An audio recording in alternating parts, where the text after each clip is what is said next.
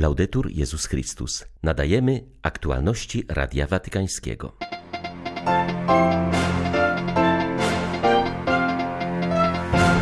Horror wojny obraża najświętsze imię Boga, tym bardziej jeśli ktoś posługuje się religią dla usprawiedliwienia agresji, napisał papież we wstępie do książkowego zbioru jego wypowiedzi na temat konfliktu na Ukrainie. Ukraińscy żołnierze proszą o pomoc i modlitwę. Ich sytuacja jest naprawdę bardzo trudna, mówi w codziennym orędziu arcybiskup Światosław Szewczuk. W ramach walki z nadużyciami Kościół we Francji chce usprawnić nakładanie kar kanonicznych. Będzie się tym zajmował zaprzysiężony dziś w Paryżu ogólnokrajowy kościelny Trybunał Karny. 5 grudnia witają Państwa ksiądz Krzysztof Ołtakowski i ksiądz Tomasz Matyka. Zapraszamy na serwis informacyjny. Wojna na Ukrainie już w przededniu swojego rozpoczęcia postawiła każdego z nas przed wieloma pytaniami, napisał Franciszek we wstępie do nowej książki zbierającej jego wypowiedzi dotyczące konfliktu za naszą wschodnią granicą. Teksty zgromadził i opracował Francesco Antonio Grana oraz zespół redaktorski czasopisma Il Fatto Quotidiano. Opublikowana dzisiaj we włoskim oryginale pozycja otrzymała tytuł Encyklika o pokoju na Ukrainie. Papież podkreślił we wprowadzeniu, że horrory wojny, jakiejkolwiek wojny, obrażają najświętsze Najświętsze imię Boże i obrażają je jeszcze bardziej, jeśli to imię zostaje nadużyte, aby usprawiedliwić tak niewypowiedziane spustoszenie. Ojciec Święty dodał, że wydana we Włoszech książka zbiera słowa, jakie w ostatnich miesiącach wypłynęły z jego serca, gdy słyszał i oglądał informacje o tragicznych wydarzeniach u naszych wschodnich sąsiadów. Ta pozycja stanowi swego rodzaju dziennik wojenny, który oddaje w ręce czytelników w nadziei, żeby stał się bardzo szybko dziennikiem pokoju, a zwłaszcza ostrzeżeniem dla wszystkich, aby nigdy więcej nie powtórzyły się podobne potworności, napisał papież.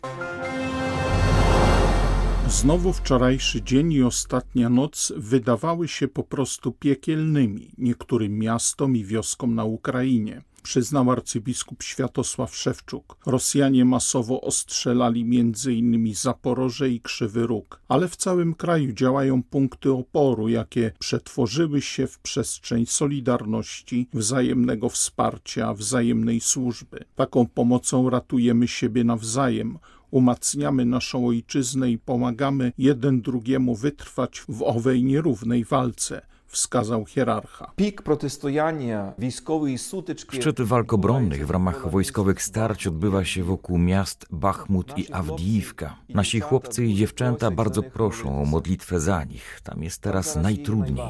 Sytuacja pozostaje bardzo ciężka. Przyznają to wszyscy przywódcy wojskowych organów władzy państwowej i dlatego nasze wojsko właśnie w tym rejonie potrzebuje naszej uwagi, modlitwy i pomocy. Dzisiaj otrzymaliśmy też przykrą informację, że rosyjscy agresorzy rzeczywiście prowadzą planową taktykę i politykę wyludniania naszych ukraińskich ziem, szczególnie tam, gdzie zdołali okupować jakąś część naszego kraju. Zgodnie z najnowszymi danymi, 2 miliony 800 tysięcy Ukraińców przymusowo deportowano, wygnano z ich miast oraz wiosek, które zagarnięto. Z kolei terytoria Ukrainy pod kontrolą naszych władz cierpią z powodu metodycznego niszczenia infrastruktury. Znowu po to, by obniżyć morale mieszkańców i sprawić, że opuszczą swoje miejscowości. Kochajmy Ukrainę razem. Nie śpieszmy się do jej opuszczenia, ale pomagajmy sobie nawzajem, by owa taktyka wyludniania naszego kraju doznała porażki i zupełnie upadła, bo miłujemy Ukrainę nie tylko słowami, lecz swoim życiem, swoimi czynami, swoim osobistym świadectwem.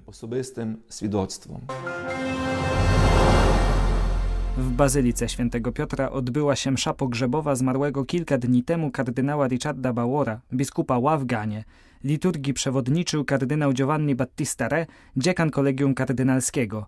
Pod koniec uroczystości do bazyliki przybył papież Franciszek, aby pomodlić się za zmarłego. W kazaniu kardynał Re przypomniał, że kardynał Baawobr przybył do Rzymu na konsystosz, który odbył się 27 sierpnia.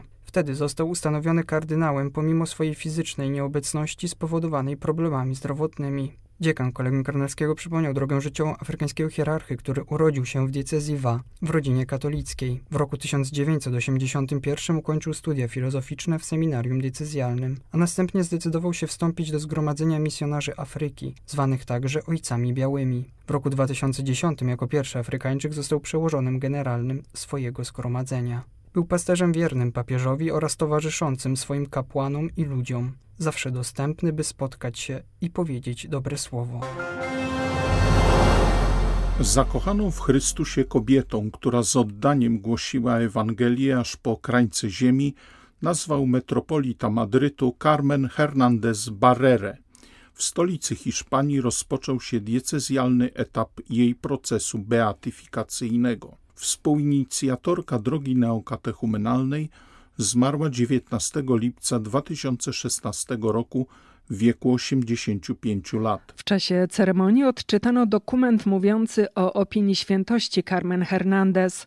Wskazuje on, że wszystkie swe siły oddała w służbie wędrownego głoszenia Ewangelii, stając się sługą nieużytecznym Chrystusa w odnowie Jego Kościoła. Przypomniano, że droga neokotuchumenalna, której była współinicjatorką, jest jednym z owoców Soboru Watykańskiego II, o czym mówił już Paweł VI. Podkreślano wytrwałe poszukiwanie poszukiwanie przez Carmen swego miejsca w kościele. W slumsach Barcelony poznała Kiko Arguello, z którym rozpoczęła ewangelizację wśród ubogich i zapoczątkowała drogę. Zasiane wówczas ziarno dziś jest obecne w 135 krajach, w prawie 22 tysiącach wspólnot, liczących półtora miliona osób. Swą pracę z Carmen wspominał także Kiko. Wiele mnie kosztowało zaakceptowanie jej, dopóki nie uświadomiłem sobie, jak wielką łaską było mieć u boku kogoś, kto stale mówił mi prawdę, nigdy nie schlebiając, mówił Kiko w swym świadectwie. Przypomniał jej misyjny zapał, heroiczne życie wiarą, stąd pragnienie, aby Kościół zbadał jej życie, które często było życiem ukrzyżowanym, milczącym i cierpiącym, jakby w ciemnej nocy. Kiko dodał, że pragnie, by na jaw wyszły też cnoty Carmen, wiele z nich ukrytych, wiele przeżywanych w stopniu heroicznym. Kościół we Francji chce usprawnić nakładanie kar kanonicznych. Ma temu służyć zaprzysiężony dziś w Paryżu ogólnokrajowy kanoniczny Trybunał Karny. To absolutna nowość w skali całego Kościoła Powszechnego.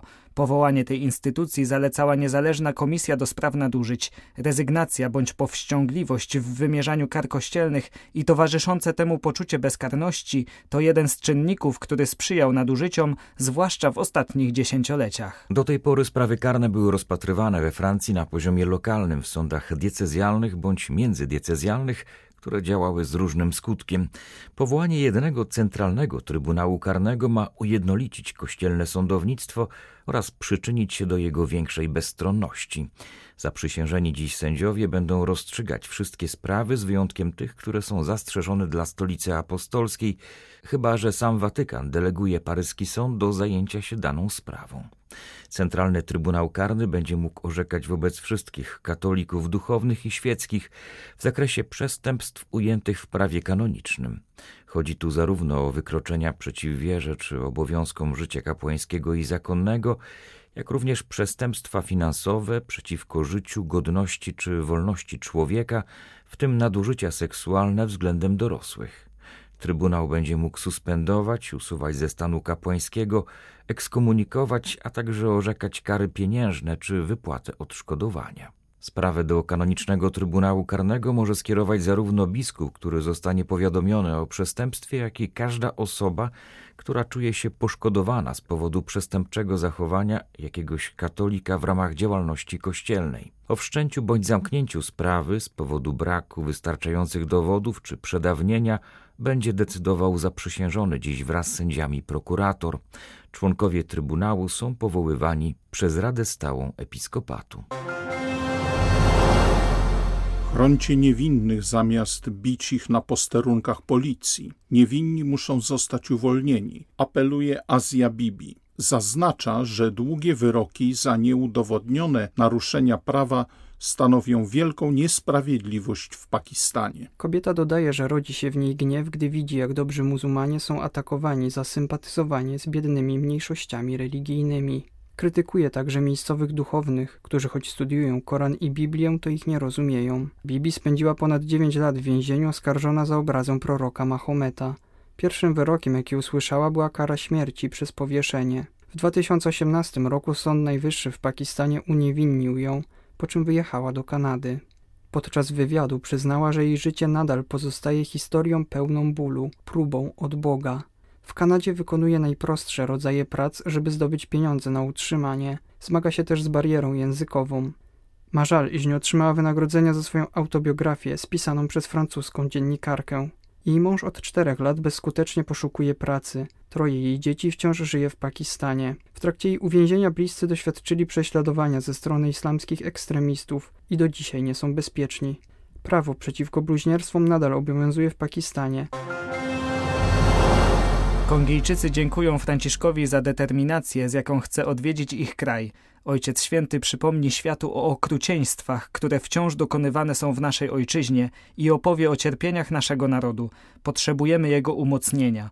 Mówi Radiu Watykańskiemu biskup Sharon Daka Salabisala, odpowiadający z ramienia episkopatu za przygotowania do papieskiej pielgrzymki. Pierwotnie Franciszek miał odwiedzić Demokratyczną Republikę Konga w lipcu bieżącego roku, jednak z powodów zdrowotnych musiał przełożyć termin wizyty. Przyjazd potwierdzono na przełom stycznia i lutego. Kongo spragnione jest pokoju i pojednania. Wierzymy, że papieska podróż okaże się dla nas pocieszeniem i umocnieniem, mówi pomocniczy biskup Kinshasy.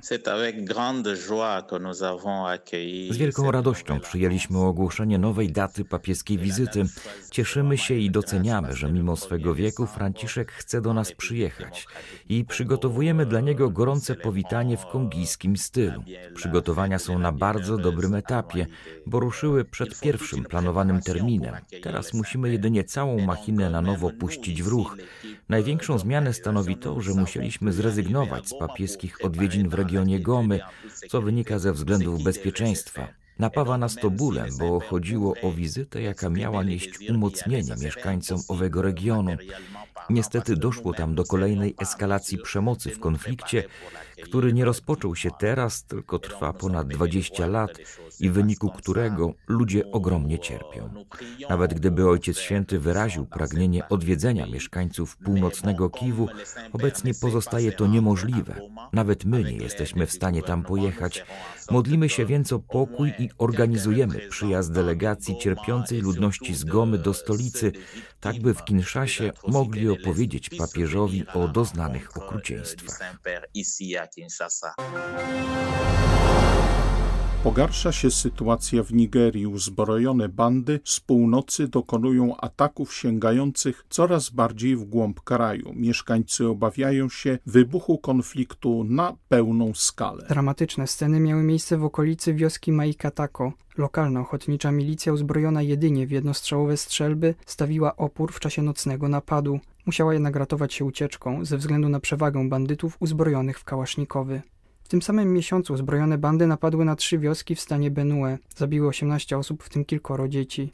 Z kolei 21 listopada doszło do ataku w południowej części stanu Enugu. Ten napad zaskoczył miejscowych, gdyż do tej pory bojówki nie zapuszczały się tak bardzo na południe. To prawie 650 km od środkowej części kraju, która dotychczas była sceną walk. To prawda, że chrześcijańscy rolnicy ścierali się z muzułmańskimi pasterzami Fulani od lat, ale ostatnie ataki ze strony bojówek Fulani wyglądają na skoordynowane i strategiczne, zaznacza Kyle Abts, dyrektor Międzynarodowego Komitetu dla Nigerii.